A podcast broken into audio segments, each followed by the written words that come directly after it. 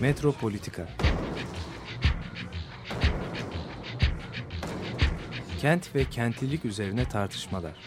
Ben oraya gittiğim zaman balık balık balık balık tutabiliyorum mesela.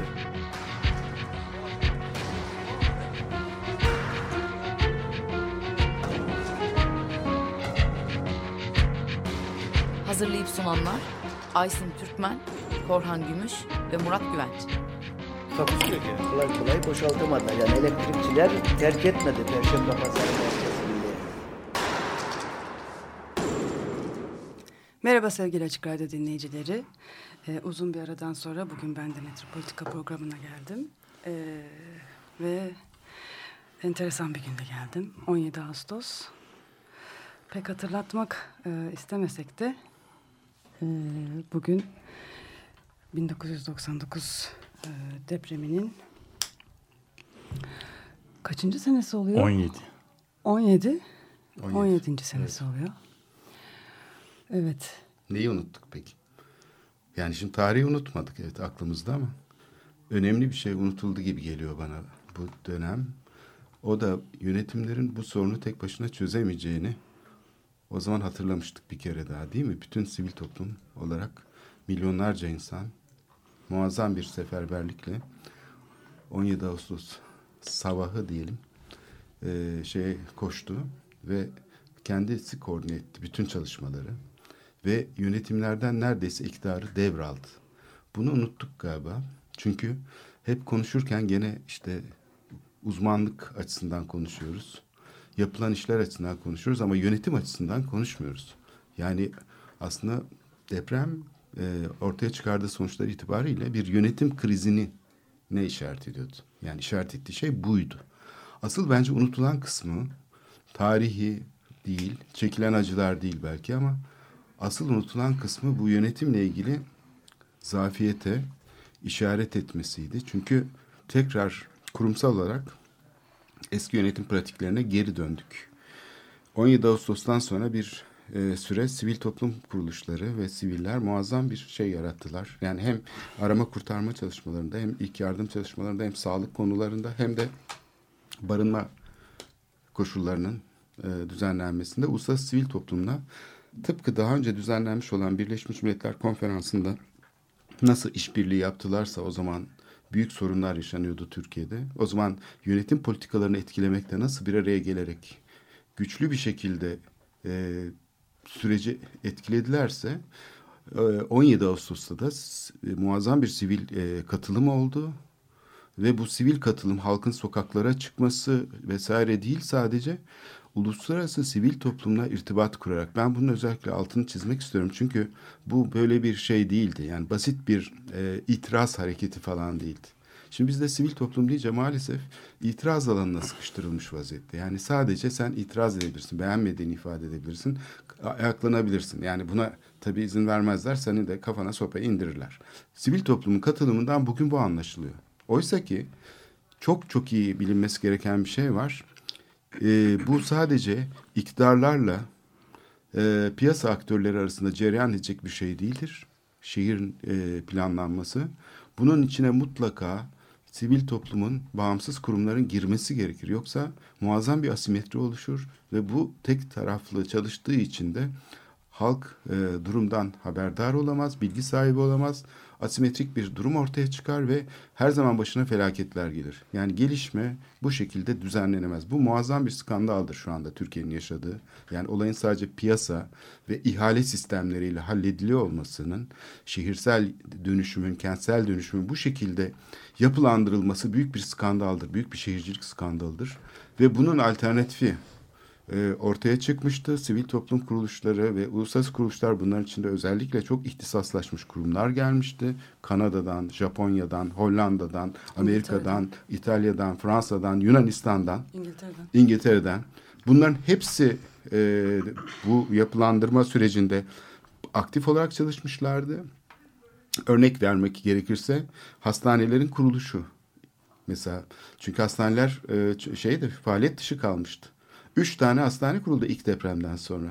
Ondan sonra neler oldu başka? Yani bunları unuttuk, gerçekten unuttuk. Çok önemli bir şey. e, geçici barınma koşulları örneğin. O- unuttuk ve aslında yerine başka şeyler ikame edildi. Mesela Evet. bu o, kentsel dönüşüm denilen kelime, e, ifade, söylem, hatta daha da genişletebiliriz çünkü kentsel dönüşüm hayatımızın en önemli gerçeklerinden bir tanesi Birisi haline haline geldi. gelmesi de depremden sonra oldu. Evet. Yani e, bütün bu bahsettiğin unutulmanın yerine böyle kentsel dönüşüm gerçeği, depreme karşı kentsel dönüşümün olması gerekliliği diskuru, söylemi ikame edildi. Aslında bu çok tarihi bir şey o yüzden. Hani Evet, kentsel de- dönüşüm ancak deprem olduğu için bu kadar bu hale getirilebilirdi. Bu, bu, bu hale geldi. Evet burada yani bir şok doktrini şey var. Kesinlikle. Ee, tam e, sabah da radyoda söylendiği gibi bir şekilde deprem e, buna çevrildi. Bunun Aynen. için kullanıldı. Aynen. Yani bu yaratılan şokun şeyi arkasından gelen şey de aslında onun bir hayaleti oldu. Yani şu anda depremin hayaletini yaşıyoruz. Hayalet vari va- varlığını görüyoruz. Çünkü bu e, şekilde e, yönetilmeye çalışıldıkça aslında tam da sorunu yaratan bir yönetim biçimi.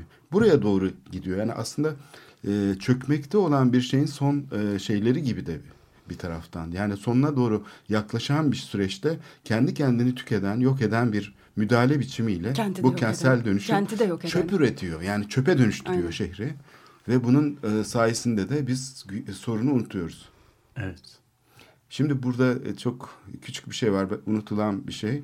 O sırada tabii ki bilinen reflekslerini devlet göstermek istedi.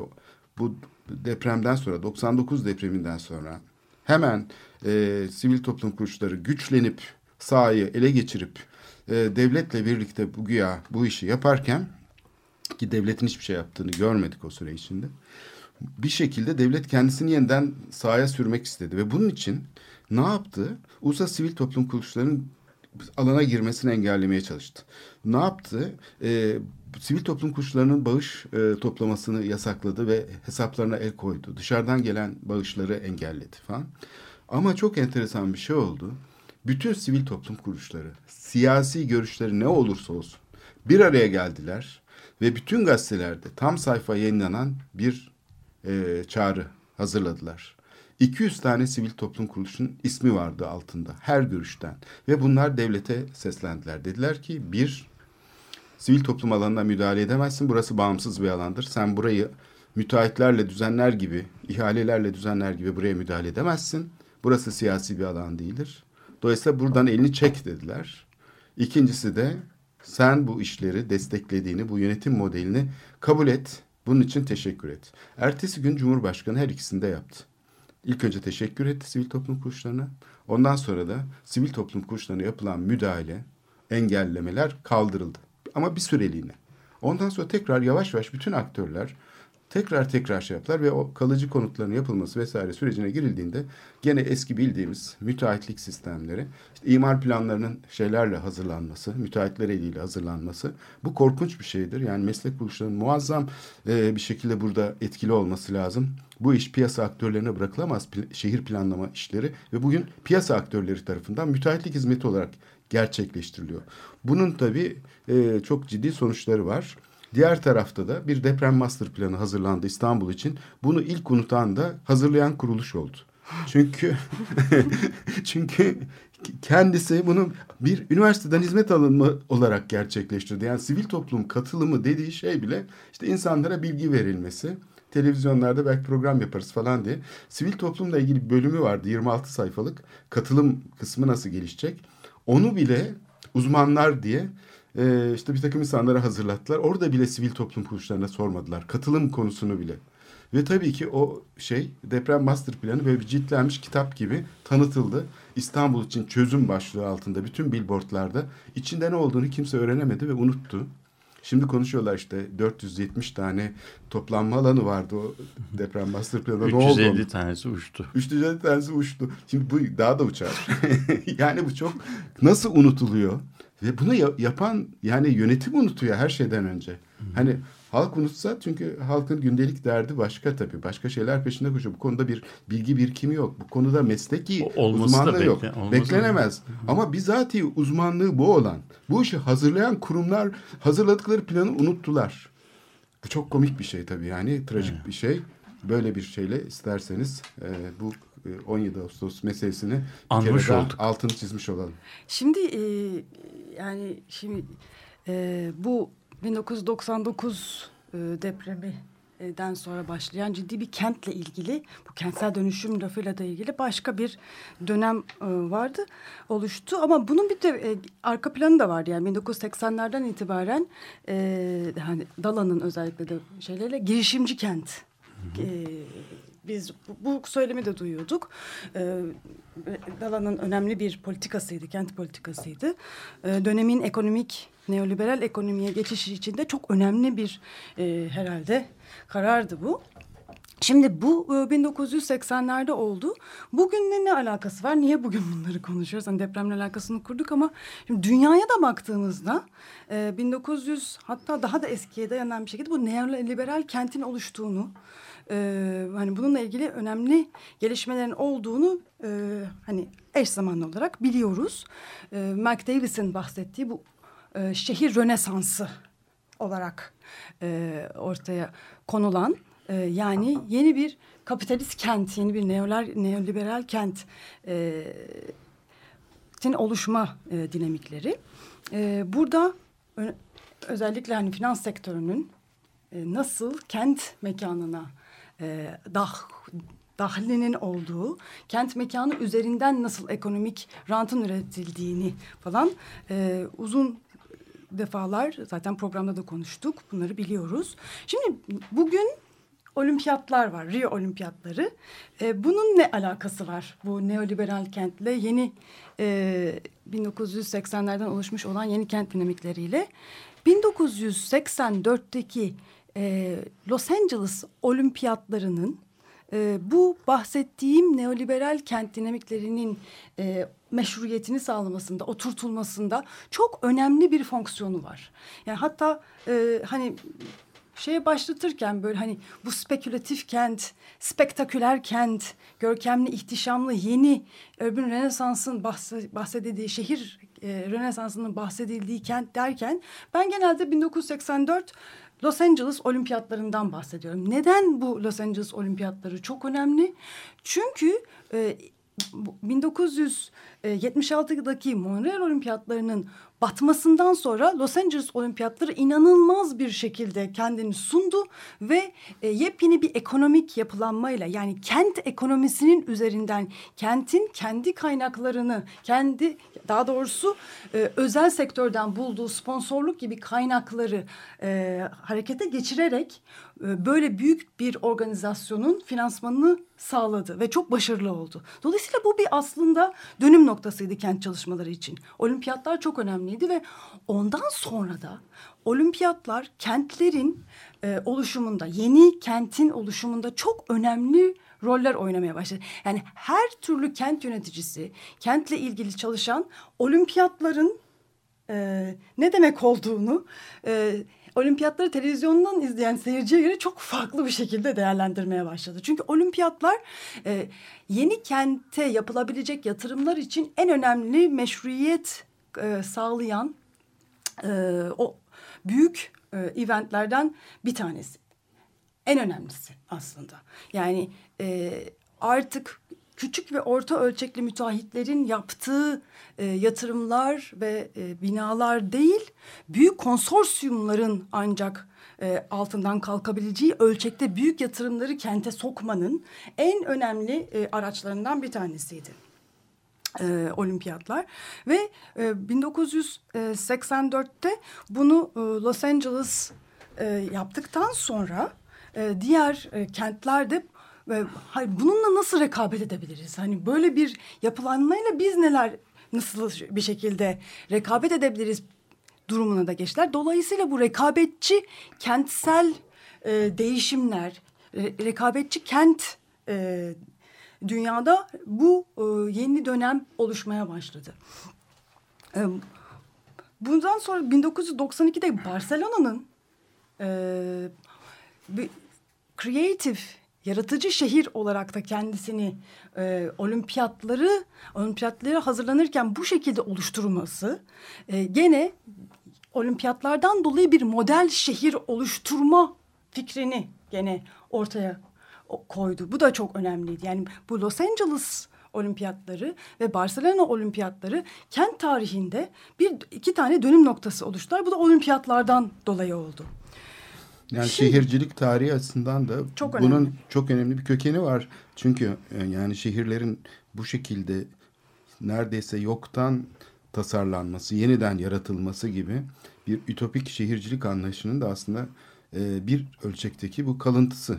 Yani böyle bir şey belki yani sonuçta mümkün olmadı. Dünyanın tarihin hiçbir e, zamanda şehri bir bütün olarak yaratmak, tasarlamak falan yani böyle çok ütopik gelişmeler var ama bunun e, şeyinden besleniyor. Bu ütopyanın bir kalıntısı gibi bir hayaleti gibi dolaşıp durdu yani yıllarca bu olimpiyatların şehirlerle olan ilişkisi.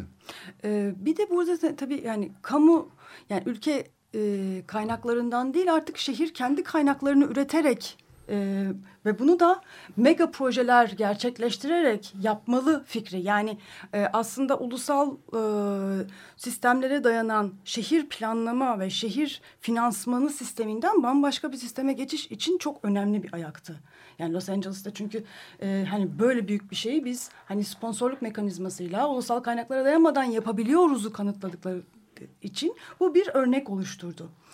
E, ayrıca e, yavaş yavaş başka türlü aktörler de artık şehir e, planlamasının, şehir finansmanının içine girmeye başladılar. Yani mesela işte e, yani bu anlamda politik e, otonomisi değişti şehrin. E, yani e, işte e, mesela e, finans rating agency'leri, ajanlar, e, e, yani kredi e, değerlendirme kurumlarının artık şehrin finansmanının e, ölçeği hale gelmesi, ölçeği haline gelme durumu oluştu. Yani bunlar yepyeni aktörlerle, yepyeni piyasa koşullarına tamamen uyumlu bir şehir ekonomi politiği oluşmaya başladı. Ve planlama bu anlamda ikinci plana konuldu. Şimdi e, bugün hani Rio olimpiyatları var ve niye ben hani tarihine e, gidiyorum. E, çünkü bir şeyler değişmeye başladı. E, en az beş şehir teklif veren, olimpiyatları yapmayı teklif edilen ve kendileri teklif veren beş şehirde olimpiyatlara, olimpiyatlara hayır kampanyaları düzenlenmeye başladı ve bu düzen bu bu kampanyalardan dolayı da bu şehirler çekildiler. Bunlardan bir tanesi Polonya'daki Krakow, İsviçre'deki e, pardon İsveç'te Stockholm, Almanya'da Münih, Norveç'te Oslo, İsviçre'de Davos. Hatta bir de Boston var. Amerika'da Boston'da No Boston kampanyası başarılı oldu ve hayır biz olimpiyatları artık istemiyoruz dediler. Şimdi burada bir enteresan bir durum var. Yani bir anda e, hani aman da olimpiyatları alalım diyen bir grup var. Bir yandan da yani bu, bu şehirlerin içinde de var. Diğer yandan da müthiş bir direniş var. Hani demek ki artık yani bir yandan bu neoliberal kent e, hani bütünüyle kendini kente evet e, neoliberal ekonomi kente kendini e, dayattı ama diğer yandan da direnme mekanizmalarını da oluşturdu. Yani kaç sene geçti? 84, 2016, 32 sene sonra artık e, burada müthiş bir direnme şeyini de görüyoruz ve olimpiyatlarda olimpiyat komitesinde ciddi bir meşruiyet kaybını da görüyoruz. Yani bu çok enteresan bir dönüm noktasındayız şu anda e, şehir e, politikaları e, açısından diye düşünüyorum. Yani bir yandan neoliberal e, kent evet tamam artık bu oldu dediğimiz noktada bu direnişlerle neoliberal kenti oluşturan olimpiyatlar kendi meşruiyetini kaybediyor. Karşı çıkanlar belki her zaman vardı. Ama şimdi dediğine göre olimpiyat eski şeyini de kaybediyor. Yani bir tür meşruiyet problemi yaşamaya başladı ve o zaman bu karşı çıkışın şeyi de değişti. Yani güçlü bir karşı çıkış haline gelmeye başladı.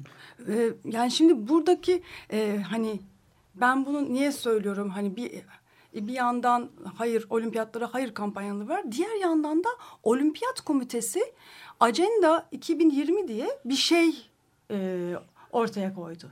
Agenda 2020 e, denilen şeyde olimpiyatları biz yeniden değerlendirmeliyiz. Yeni kurallar, yeni düşünce tarzı oluşturmalıyız gibi bir şimdi burada da enteresan şeyler var.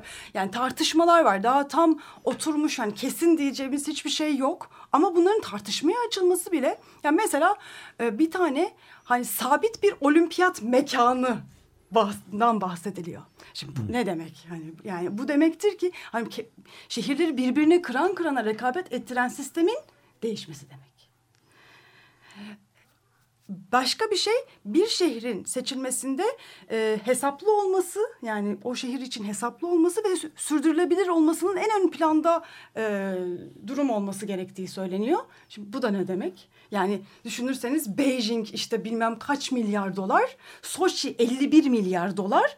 Hani herkes bununla mücadele ediyor. Aman biz hangi yatırımı bu olimpiyatların içine sokarız da daha fazla yatırım yapabiliriz derken hayır. Yani burada bir hani artık stop. İlginç bu aslında her zaman olması gereken bir kriterdi değil mi? Bu çevre analizi yapılması, çevresel etki analizi ve sürdürülebilirlik açısından bakılması. Ama en, olimpiyatlar... Varmış gibi gösteriliyordu evet, ama. varmış gibi gösteriyor ama arkada bıraktığı enkaza bakılınca bilmiyorum izliyor musunuz? Yani, Yani bu- o tesisler muazzam bir hani Çöp, eski çöp. savaştan kalma bir şey gibi muazzam bir çöp oluşturdu. E, atık tabii, oluşturuyor. Tabii mesela şunu düşünün. Yani Yunanistan'ın e, Yunanistan ekonomisinin berbat olmasında bu olimpiyatların çok büyük şeyi var. e, rolü var. E, şimdi mesela Yunanistan gibi bir e, ülkede o ülkede hemen hemen hiç e, müşterisi olmayan e, kano yarışları için e, şeyler, e, havuzlar efendim veya parkurlar veya bilmem İngiltere'de şeylerde olan e, nasıl diyelim e, cross country at yarışları için e, tesisler efendim dresaj e, at e, şimdi Yunanistan'da veya Türkiye'de ki- kim gider Allah'ınızı severseniz yani de- de- yani bu olimpiyat bittikten sonra bunun dünyada 20 tane meraklı olan e, topluluk var. Avusturyalılar, bilmem Fransızlar filan. Dünyanın yüzde 97'sine bunun hiçbir anlamı yok. Yani o, o onun için onun üretilen mekanın olimpiyattan sonra herhangi bir şeye tahsisi de mümkün değil. O yüzden o işler bittikten sonra Bir kere kullanmak için için yapılıyor. yapılıyor ve ondan sonra da böyle bir abide çöp olup gidiyor yani. Ve mesela yani şimdi mesela Doğu Londra'da yapılan şeyler Doğu Londra biliyorsunuzdur hani e, bir şekilde kentin daha dar gelirli işçi sınıfının olduğu bir yerken burayı tamamen e, gentrify eden, soylulaştıran bir şekilde yapılanmasına sebep oluyor olimpiyatlar ve artık orada yaşayamıyor oradaki insanlar. Yani Tabii, tabii. olimpiyatlar ve- ve ondan sonra da hani e, tam olarak gene bahsettiğiniz gibi kullanılmayan başka bir metruk alana dönüşüyor. İnsanlar da orada yaşamamaya Şimdi başlıyor. tabii evet. E, şimdi burada e, enteresan bir şey var. Yani mesela hani tekrardan olimpiyat muhasebesi denilen bir şeyin de tekrardan değerlendirilmesi. Şimdi hangisi olimpiyatlar için e, hani ne ne kadar olimpiyatlar için yapılıyor, ne kadar aslında olimpiyatlar için yapılıyor gösteriliyor gibi şey. Yani bu olimpiyat muhasebesinin de mesela çok iyi yeniden değerlendirilmesi. Çünkü mesela şimdi hani e, bir e, inanılmaz bir metro ağı çekiyorlar mesela. Hani bu olimpiyatlar için mi? Bunu da yani bu, bu, bu muhasebenin içinde mi? Değil mi? Hani hani rekabet eden şehirler bununla mı rekabet edecek yoksa etmeyecekler mi? Hani burada çok enteresan bir sürü dinamik var.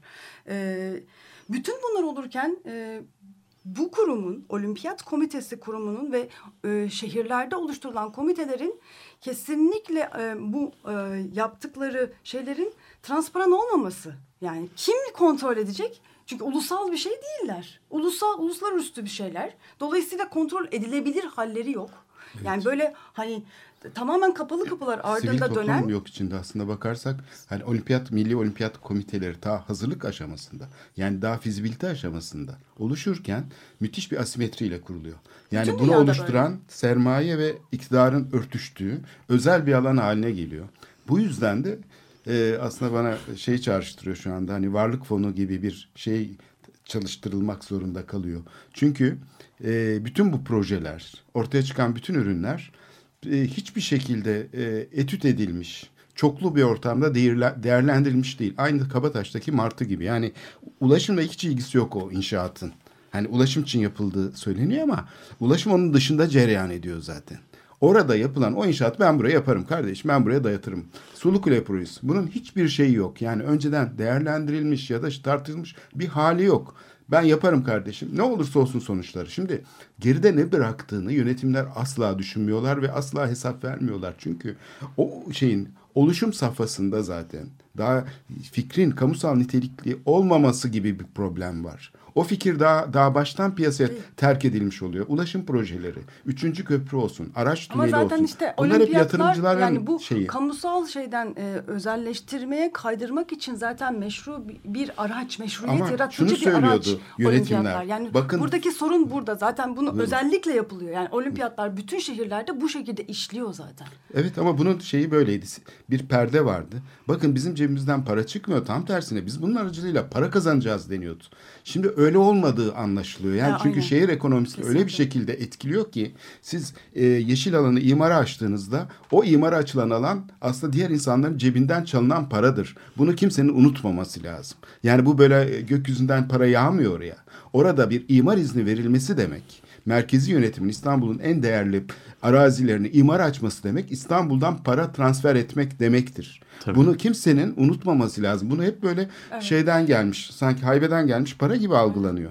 Olimpiyatta da e, şimdi T- Türkiye'de mesela bu hazırlık sürecini ben bir parça izledim. Olimpiyat komitesi toplantılarına katıldım. Tamamen e, kapalı bir çevre ve bunlar tamamen kendi mantıklarıyla hareket ediyorlar. Asla ve asla ilerisini görmüyorlar. Görmemeleri de çok doğal çünkü oluşum safhasında herkes kendi payını düşünüyor. Başka bir şey düşünmüyor. Şimdi burada olimpiyat komitesinin çok garip bir noktada da e, olduğunu görüyoruz. Şimdi belirli bir e, limit var. Yani onun üstünde zaten mutlaka teklif vermek zorundasınız. Yani işte mesela atıyorum iki buçuk milyar dolar olmak zorunda. Hani bunu zaten şey ama ondan sonra mesela e, iki buçuk milyar dolarla işte ülke şöyle kazanacak, şehir böyle kazanacak, şu kadar bu hani bütün bunlar tamam. İki buçuk milyar değil, on iki buçuk milyar da Yunanistan ya Atina e, şeyinde mesela Peki 12,5 milyar dolar olursa ne olacak? Bununla ilgili hiçbir şey yok. Yani Olimpiyat Komitesi hiçbir sorumluluk almıyor. Hiçbir şey yok. E, yaptırım yok onun üzerine karşı. Evet. Yani ne ulusal düzeyde ne uluslararası düzeyde hiçbir yaptırım yok. Bunun kim bütün yükünü alıyor? Halk.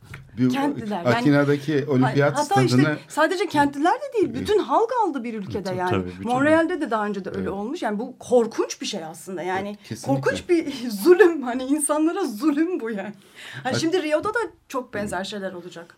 Ee, Çin'de bir milyon kişi evinden edildi ya. Yani olacak iş değil. Hani bunun yükünü hakikaten ancak otoriter yönetimler bu olimpiyatları karşılayabilir o zaman artık. Artık Çünkü ve- başka çare yok. Aynen öyle olmuş yani zaten. varlık fonu falan oluşturarak ancak karşılayabilir. Şu anda Evet. artık e, bunu yapan e, şu anda e, teklif veren iki tane ülke var. Bir tanesi Kazakistan, Almata. İkincisi Çin, Beijing. Bu da tabii çok düşündürücü. Çin'de doyamıyor. Peki. İstanbul yok muymuş sırada? İstanbul yok daha. Duyulmuyor. Unuttular galiba bu Evet. arada Hayır, gürültüye gitti. yani İstanbul için evet. Ee, burada ben Atina'yı söylemek istiyorum şeyi. Ee, tesadüf olimpiyat stadını gezme fırsatı buldum.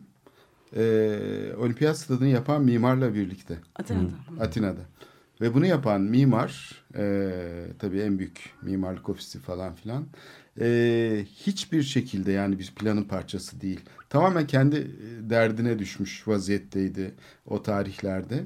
Kendi işini, kendi alacaklarını, kendi problemlerini onun üstünden bakıyordu dünyaya. Yani hiç öyle bir e, yani kendisini bir kenara koysun da kamusal e, meseleleri konuşsun.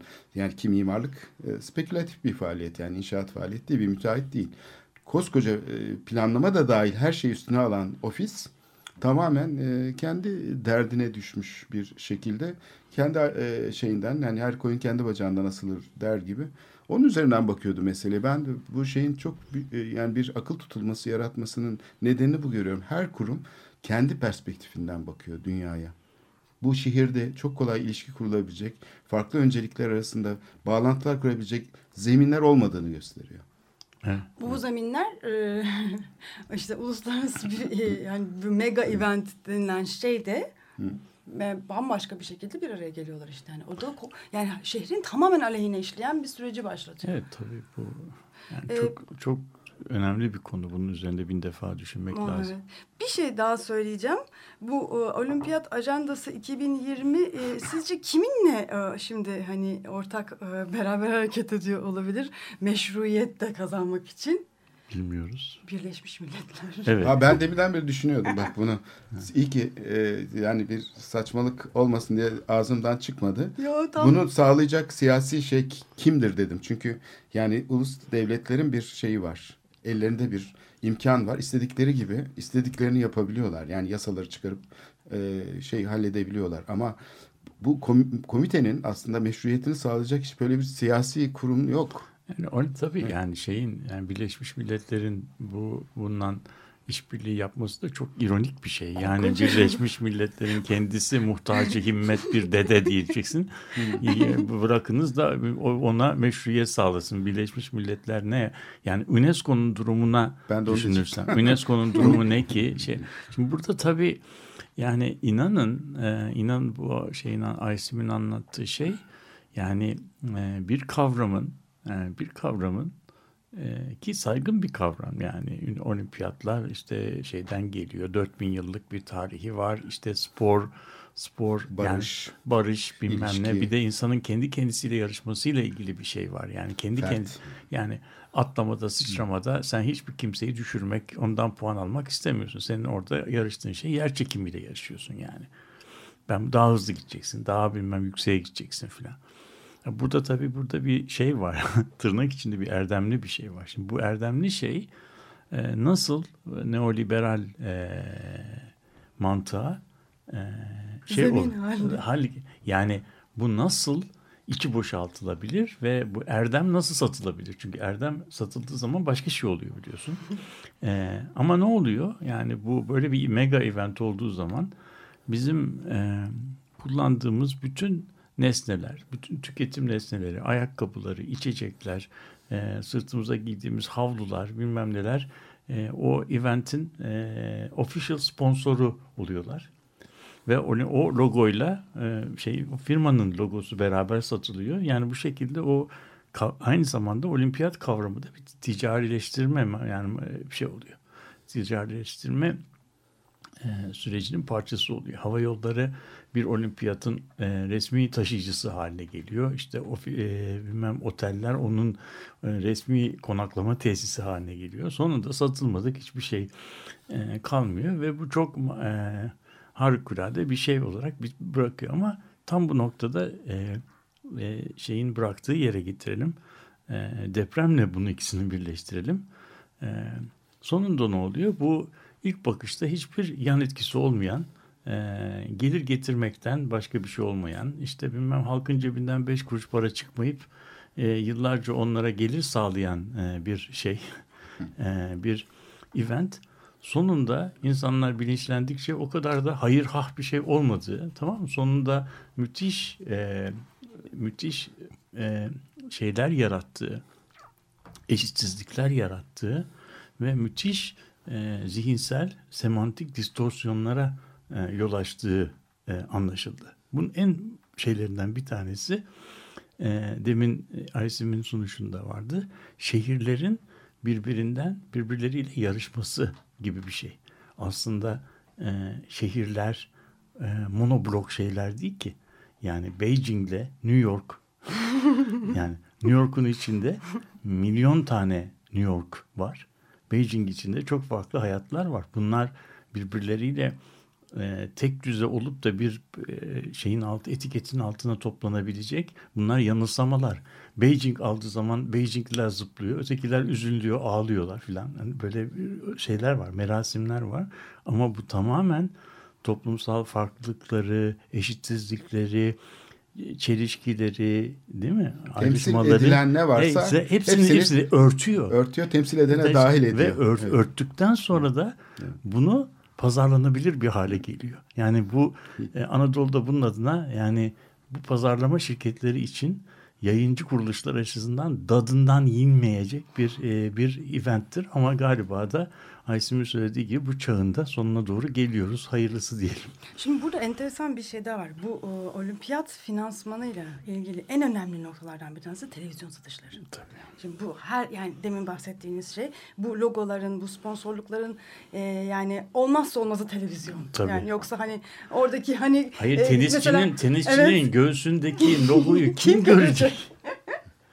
Şimdi bununla ilgili de belki de e, onu göreceğiz herhalde yani bir iki üç sene içinde E, bir e, şey girişimde bulunacak galiba 2020 Olimpiyat Komitesi E, kalıcı bir televizyon. Bu, yani bu kalıcı televizyon fikri de enteresan. Herhalde orada da bu yani rekabetle ilgili bazı şeyler farklı boyutlara gelecek herhalde. Yani bir bir dönem kapanıyor başka Ben- bir dönem ben, açılıyor Ben mesela gibi yeni, yeni teknolojiler önerebilirim. Mesela bu e, sporcuların tişörtlerindeki o logoların takılacağı yerlerin elektronik olmaları ve satılmaları ve şey içerisinde en fazla parayı veren şirketin logosuna geçmeleri. Yani finale kalanlarda onun tekrar satılabilmesi. Yani olimpiyat kalıcı televizyonu olacak. Olimpiyat TV, olimpiyat TV kurulduğu zaman da tabii bütün bu sponsorluk anlaşmaları, Onlar televizyon bitecek. hakları... Kimse kimse bunu yapmaya meraklı olmayacak ve de bu Kesinlikle. sonu bu sonunda Evet, e, History Channel gibi bir şey olacak. Kesinlikle. Her gün kim seyreder olimpiyat?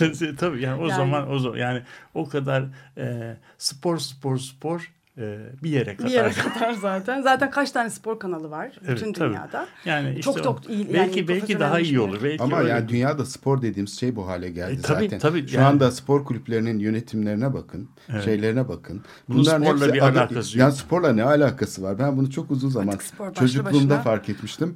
Ee, bu kulüplerin tesislerini gezdiğim zaman hepsinde e, şey oynanmaktan, kağıt oyunları dışında herhangi bir faaliyet olduğunu görmemiştim. Hayır yani bunlar Evet. e, bir çeşit e, gladyatör kiralama ajansları gibi bir şeyler. Eski Roma'dan örnek verirsin. Ee, bu bölümümüzü kapatmadan önce bir şey daha çok önemli e, söylemem gerektiğini düşünüyorum. Maalesef e, yani gerçekten bir dönüm kapandığına dair şeyler alıyoruz. Hani İşaretler. izlenimlerimiz, Hı. işaretler alıyoruz. Ancak gerçekten e, olimpiyatlar hakikaten şehre bir sürü anlamda çok zarar verdiğini bir şekilde söylemek istiyorum. Yıkıcı etkiler Bu, evet yapıyor. yani programın başında biraz bahsettim. Bu büyük yatırımların şehrin e, hani e, içine yapılmasında çok büyük bir meşruiyet zemini oluşturdu ve ins- milyonlarca insanın evsiz kalmasına sebep oldu. Bir ikincisi bunu da söylemeden yani Londra'da bu kadar kamera varsa bunu da olimpiyatlar yüzünden oldu. Yani e, sadece 6 ay için biz bazı güvenlik tedbirleri alıyoruz e, söylemiyle başlayan bu e, inanılmaz kameralar, polis sistemleri falan aslında Agamben'in dediği gibi yani Kalıcı. kalıcı state of exception değil artık permanent yani e, belirli bir dönem için değil maalesef olağanüstü hal zamanları için değil tam tersine artık şehrin çok rahatlıkla kabul ettiğimiz ol- olağan hali haline dönüşmesinde de çok önemli bir zararı olduğunu Evet, düşünüyorum. yönetim alanında yönetim alanında e, bu çok önemli bir şeydir. Mesela e, bizim memurların yargılanması ile ilgili kanun 1910'larda çıkmış. Memurin muhakematı konusunda kanunu muvakkattır. Yani geçici kanun 1913'te çıkmıştır. Hala Geçici. kullanılmaktadır. Geçici hal Evet, yani onun esas itibariyle Kalır yani. kalır. Evet. E, şimdi ne yapacağız? Bir şey daha Ama söyleyeyim. müzik çalmayacağız galiba. Bence e, sen ara veriyoruz dedin. E, son şeyi sen yap. Ne, ne dinliyoruz onu da söyle. Evet. Ee, biraz ironik bir müzik dinliyoruz. What a Wonderful World. Ee, Evrencan Gündüz e, cover'ı olarak dinliyoruz ve saksafonda Ed Pitti. Jean qui eut de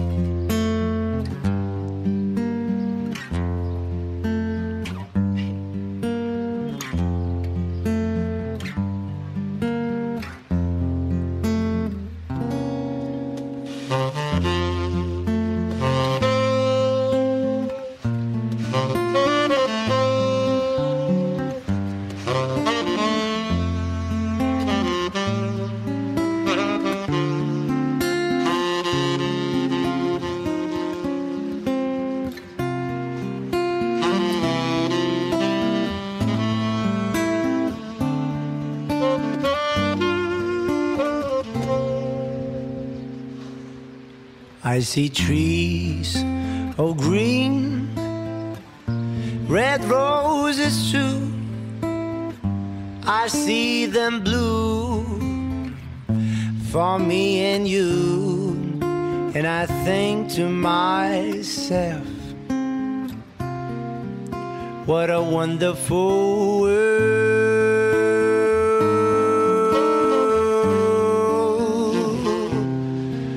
I see skies all blue, clouds are white, and bright, blessed day. Doc says goodnight, and I think to myself, what a wonderful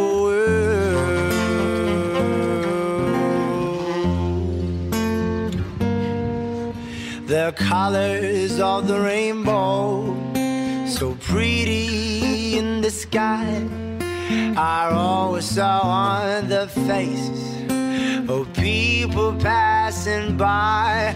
I see friends shaking hands, saying, How do you do?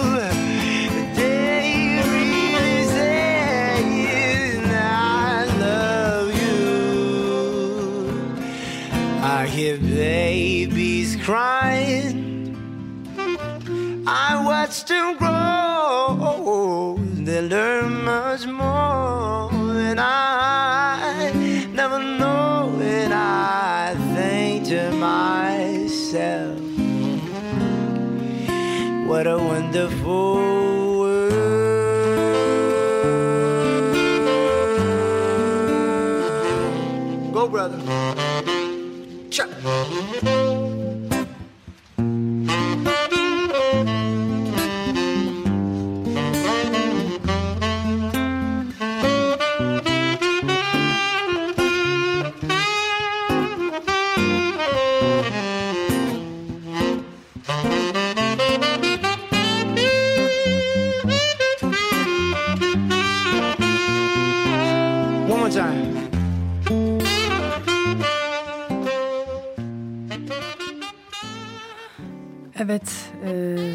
saksafonda Ed Petey ve vokal gitarda, e, vokaller ve gitarda Evrencan Gündüz'den dinledik.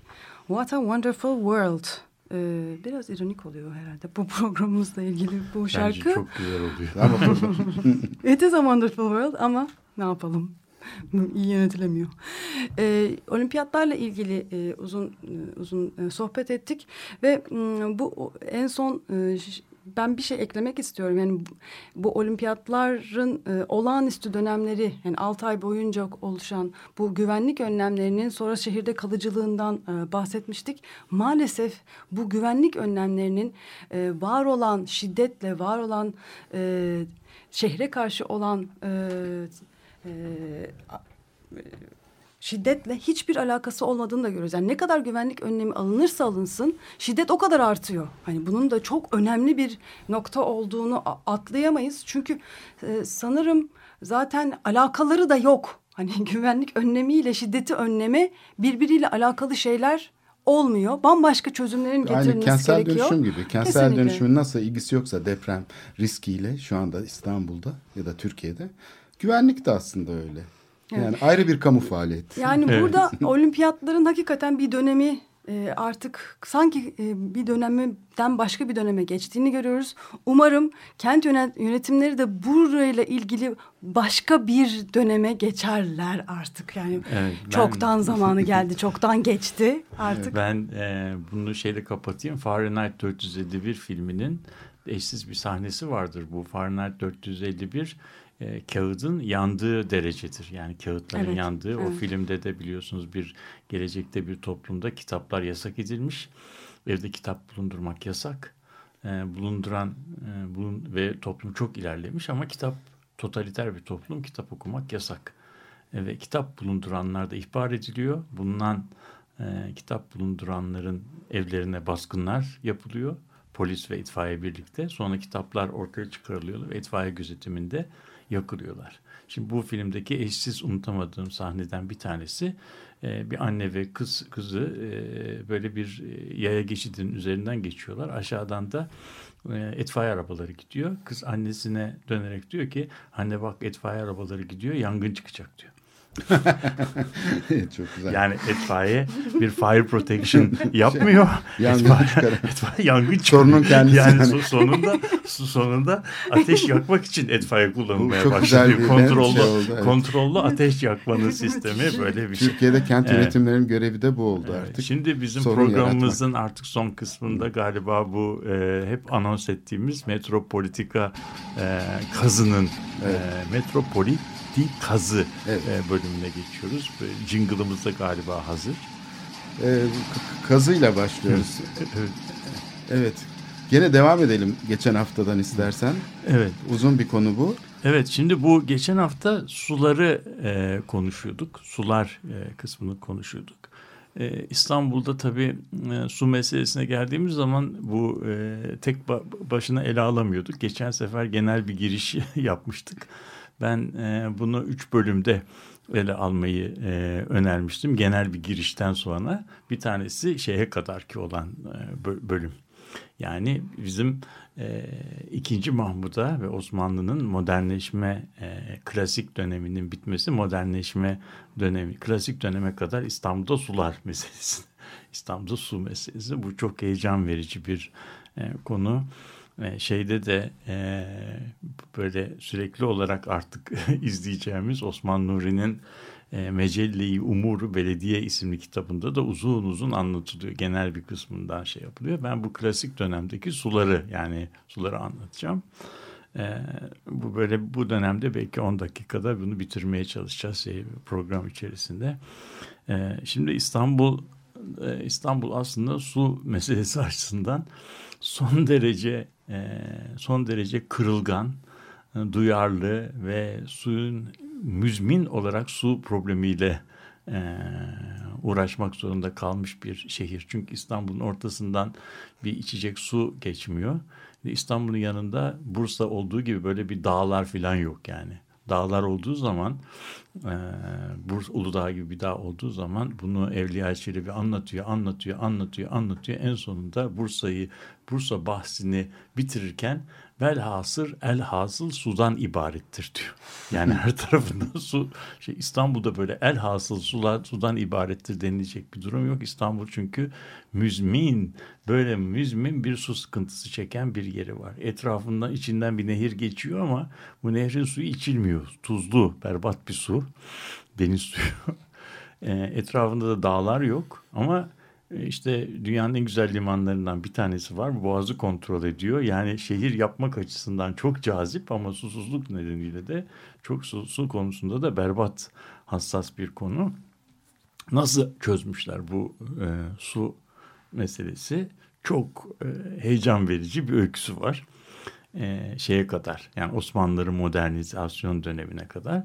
İlk önce bu şehri kuran adamlar demişler ki bu şehirde yaşanacaksa buna adam gibi bir su sistemi kurulması lazım ve onun için şehrin çok çok uzaklarına giden yani çok çok uzaklara giden o zamanın koşullarıyla 27 30 kilometre, 30 40 kilometre. kilometre Evet. uzaklara giden su toplama sistemleri kurmuşlar. Bu Osmanlılardan evvel e, kurulmuş. Biz ilk kurulduğu zaman Romalılar tarafından kurulmuş. İki tane su sistemi var İstanbul'un. Bunlardan bir tanesine e, halkalı suları deniyor. Bir tanesinde kırk çeşme suları deniyor. Bu halkalı suları denen sular İstanbul'un İstanbul yakasında şeyin e, bizim bugünkü Tem otoyolunun üstündeki sırtlardan gelen Halkalı civarından yani gelen bir de, e, dağdaki bir e, eğimi takip ederek İstanbul şeyine tarihi yarıma diye batıdan giren bir su sistemi bu halkalı suları. Bu işte Rami, Bayrampaşa filan civarlarında bunların maslakları ve maksemleri var. Bu iki tane kelime, maslak kelimesini biz bir semt olarak biliyoruz ama maslak çok önemli bir sistem. Maksem de çok önemli. Bu bu iki tane sistemi iyice anlamamız lazım. Ne olduğunu anlatacağım. İkinci kaynak ise 40 çeşme suları denen sular bunlar da ta şeye gidiyorlar. Bizim bugünkü Belgrad ormanlarının olduğu yerlere gidiliyor. Yani kuzeyden geliyor, kuzey kısmına. Bu iki taraftan sular böyle şehre e, aktarılıyor ve önce maslaklardan geçiyor çeşitli yerlerde. Maslaklar yatay su depoları. Yatay su depoları yani akan suyu akan suyun havuz havuzlandığı yerler. Bu maslaklar su, suyun yönünü değiştirmeye e, yarıyor. Yani bunlar basınçla akmayan sular, sular oradan oraya e, yön değiştiriliyor. Genellikle bizim Maslak semtinde iki tane su hattı, iki tane dağ silsilesinin yol ayrımına geldiği zaman orada bir maslağa geliyor. Bir hat bizim bugün Mecidiyeköy Zincirli Kuyu tarafından geliyor. Öbürküsü de e, şeye dağlar üzerinden tarihi yarımıda gidecek sisteme e, geliyor. Bu son derece sofistike bir e, şey. Geçen e, dersimizde, eski dersimizde diyorum, geçen konuşmamızda bundan e, bahsetmiştik. E, ve e, burada suyun aktığı basınçlı bir boru içinde akmıyor. Onun için bu bir, e, buna cazibeyle akan sistemler deniyor. Bu sistemin akınabilmesi çok iyi kontrol edilmesi lazım. Ve burada hidrolik meyil denen bir şey var. Burada burada da bu meyilin çok özel olarak e, hesaplanması gerekir. Çok hassas bir e, mühendislik harikasıdır. Burada su yavaş akarsa e, içeride taşıdığı e, asılı maddeler denediğiyle kanal dolar. Hızlı akarsa kanalı parçalar atar. Onun için suyun çok belli yavaş bir e, hızda akması lazım ki e, bu sistemler sürdürülebilir olsun. Şimdi İstanbul'u kuranlar bu sistemi getirmişler ve sistem e, tarihi yarımadaya geliyor. Geldiği zaman tarihi yarımadada da böyle şeyler var.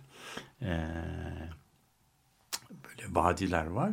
Bu sistemin de en büyük problemi vadi vadi ve tepe. Vadi geldiği zaman vadi geçebilmesi için bizim su kemeri denen kemerleri yapılması lazım. Su kemeri yapılmadığı takdirde ise o tepeyi tünel açarak, Osmanlıca'da buna lağım diyorlar. Yani tünel açarak geçilmesi gerekiyor. Her ikisi de çok zahmetli şeyler. İstanbul'da kalan en büyük abidelerden bir tanesi bizim Bozdoğan su kemeri, Valens su kemeri denen şey. Bu kemer işte Bizans İmparatorluğu kurulduktan sonra yapılmış. İlk yaptıkları şey Kadıköy etrafındaki surları yıkıp taşlarıyla o oraya oraya taşımışlar. Çünkü taş da çok kıymetli bir şey. O kemeri inşa etmişler. Yani Fatih'ten şeye gene. Ayrıca iki tane e, daha şey var. Su çok kıymetli olduğu için ak e, ve suyu da depolamadığı depo yani akılmadı yani şey yapılmadığı takdir depolanmadığı takdirde su denize akacağı için çok da değerli bir sistem olduğu için bunu engellemek için İstanbul bir sarnıçlar kenti. Her yerde sarnıçlar yapılıyor ki suyun tüketilmediği anlardaki su e, şey biriksin orada. E, orada biriksin. İşte Osmanlılar böyle bir şehri devralıyorlar ve bu sistemin ona onarıyorlar e, ve kullanmaya başlıyorlar. Kanuni, kanuni devrinde büyük aynı sistem üzerinde şeyler yapılıyor e, iyileştirmeler ve tamiratlar yapılıyorlar. Osmanlılar döneminde de ikili bir sistem kuruluyor. Bir e, padişahların yani sultanların e, şey yaptıkları e, vakfettikleri su sistemleri. Çünkü bir devlet buna harcama yapmıyor. Vakıflar üzerinden gidiyor. Bir de şahısların e, yaptıkları vakıflar üzerinden yaptıkları sistem. Bu sistem uzun süre İstanbul'un nüfusu şey kaldığı sürece e, sabit kaldığı sürece bu şeyi e, şehrin ihtiyacını karşılamaya yetiyor ve burada da e, buna il, ilişkin bir su yöneticileri var. E, bir su yolcular diye bir şey var. Bir de e, bölükbaşılar diye bir iki tane kavram var. Bu bölükbaşılar sultan sularını şey yapıyorlar. Bölükbaşı su yolcular da vakıf sistemini şey yapıyor. Burada keşif memurları, korucular, çavuşlar ve bent muhafızları gibi de böyle suyu şey yapan bir örgüt var. En önemlilerinden bir tanesi bunun e, su, halk, halka nasıl dağıtılacağı ve orada da bunların geliştirdikleri çuvaldız, masura, kamış ve lüle diye 3-4-5 tane geleneksel ölçüler var. Bunlar akarsuyun miktarını şey yapıyor. Bu miktarlarda e, maksemlerde, havuzlarda birik, biriken havuzlarda mahallelere giden borunun deliklerine şey yapıyor. O büyük deliklerin özelliklerinden şey yapıyor. Bunlar şehirde insanlar bu sulardan belirli miktarlarda alabiliyorlar. Ama bu aldıkları e, su karşılığında da bir para ödemeleri lazım. Bu paraları da su yolcular alıyor. su yolcular alıyor. Bir kısmından da bu çeşmelere gidiyor. Fakat bu çeşmelerdeki suyu eve taşımak lazım. Bu da çok zahmetli bir iş olduğu için sakalar diye bir sınıf ortaya çıkıyor. Onlar da çeşmelerden suları alıp evlere taşıyorlar. Bir süre sonra bu su yolcular, yani bu sakalar çeşmeleri sahipleniyorlar.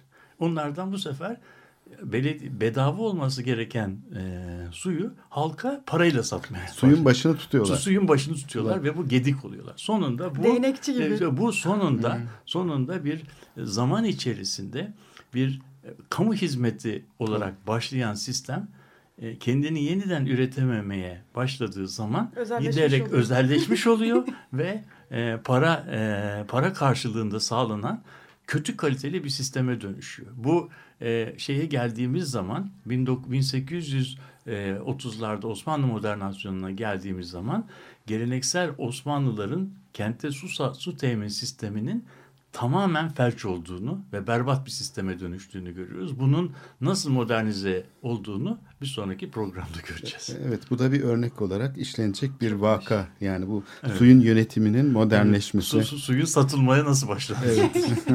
Evet. evet. Haftaya görüşmek üzere diyelim. Hoşçakalın. İyi haftalar. Öyle bir şey.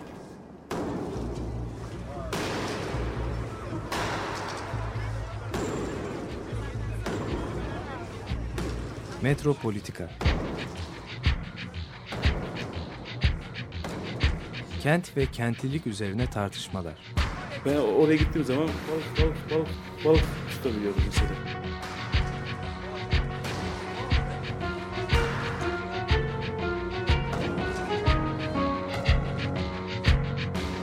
Hazırlayıp sunanlar Aysin Türkmen, Korhan Gümüş ve Murat Güvenç. Takusu yok yani. Kolay kolay boşaltamadı. Yani elektrikçiler terk etmedi Perşembe Pazarı merkezini.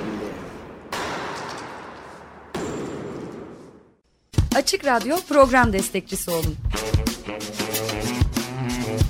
Bir veya daha fazla programa destek olmak için 212 alan koduyla 343 41 41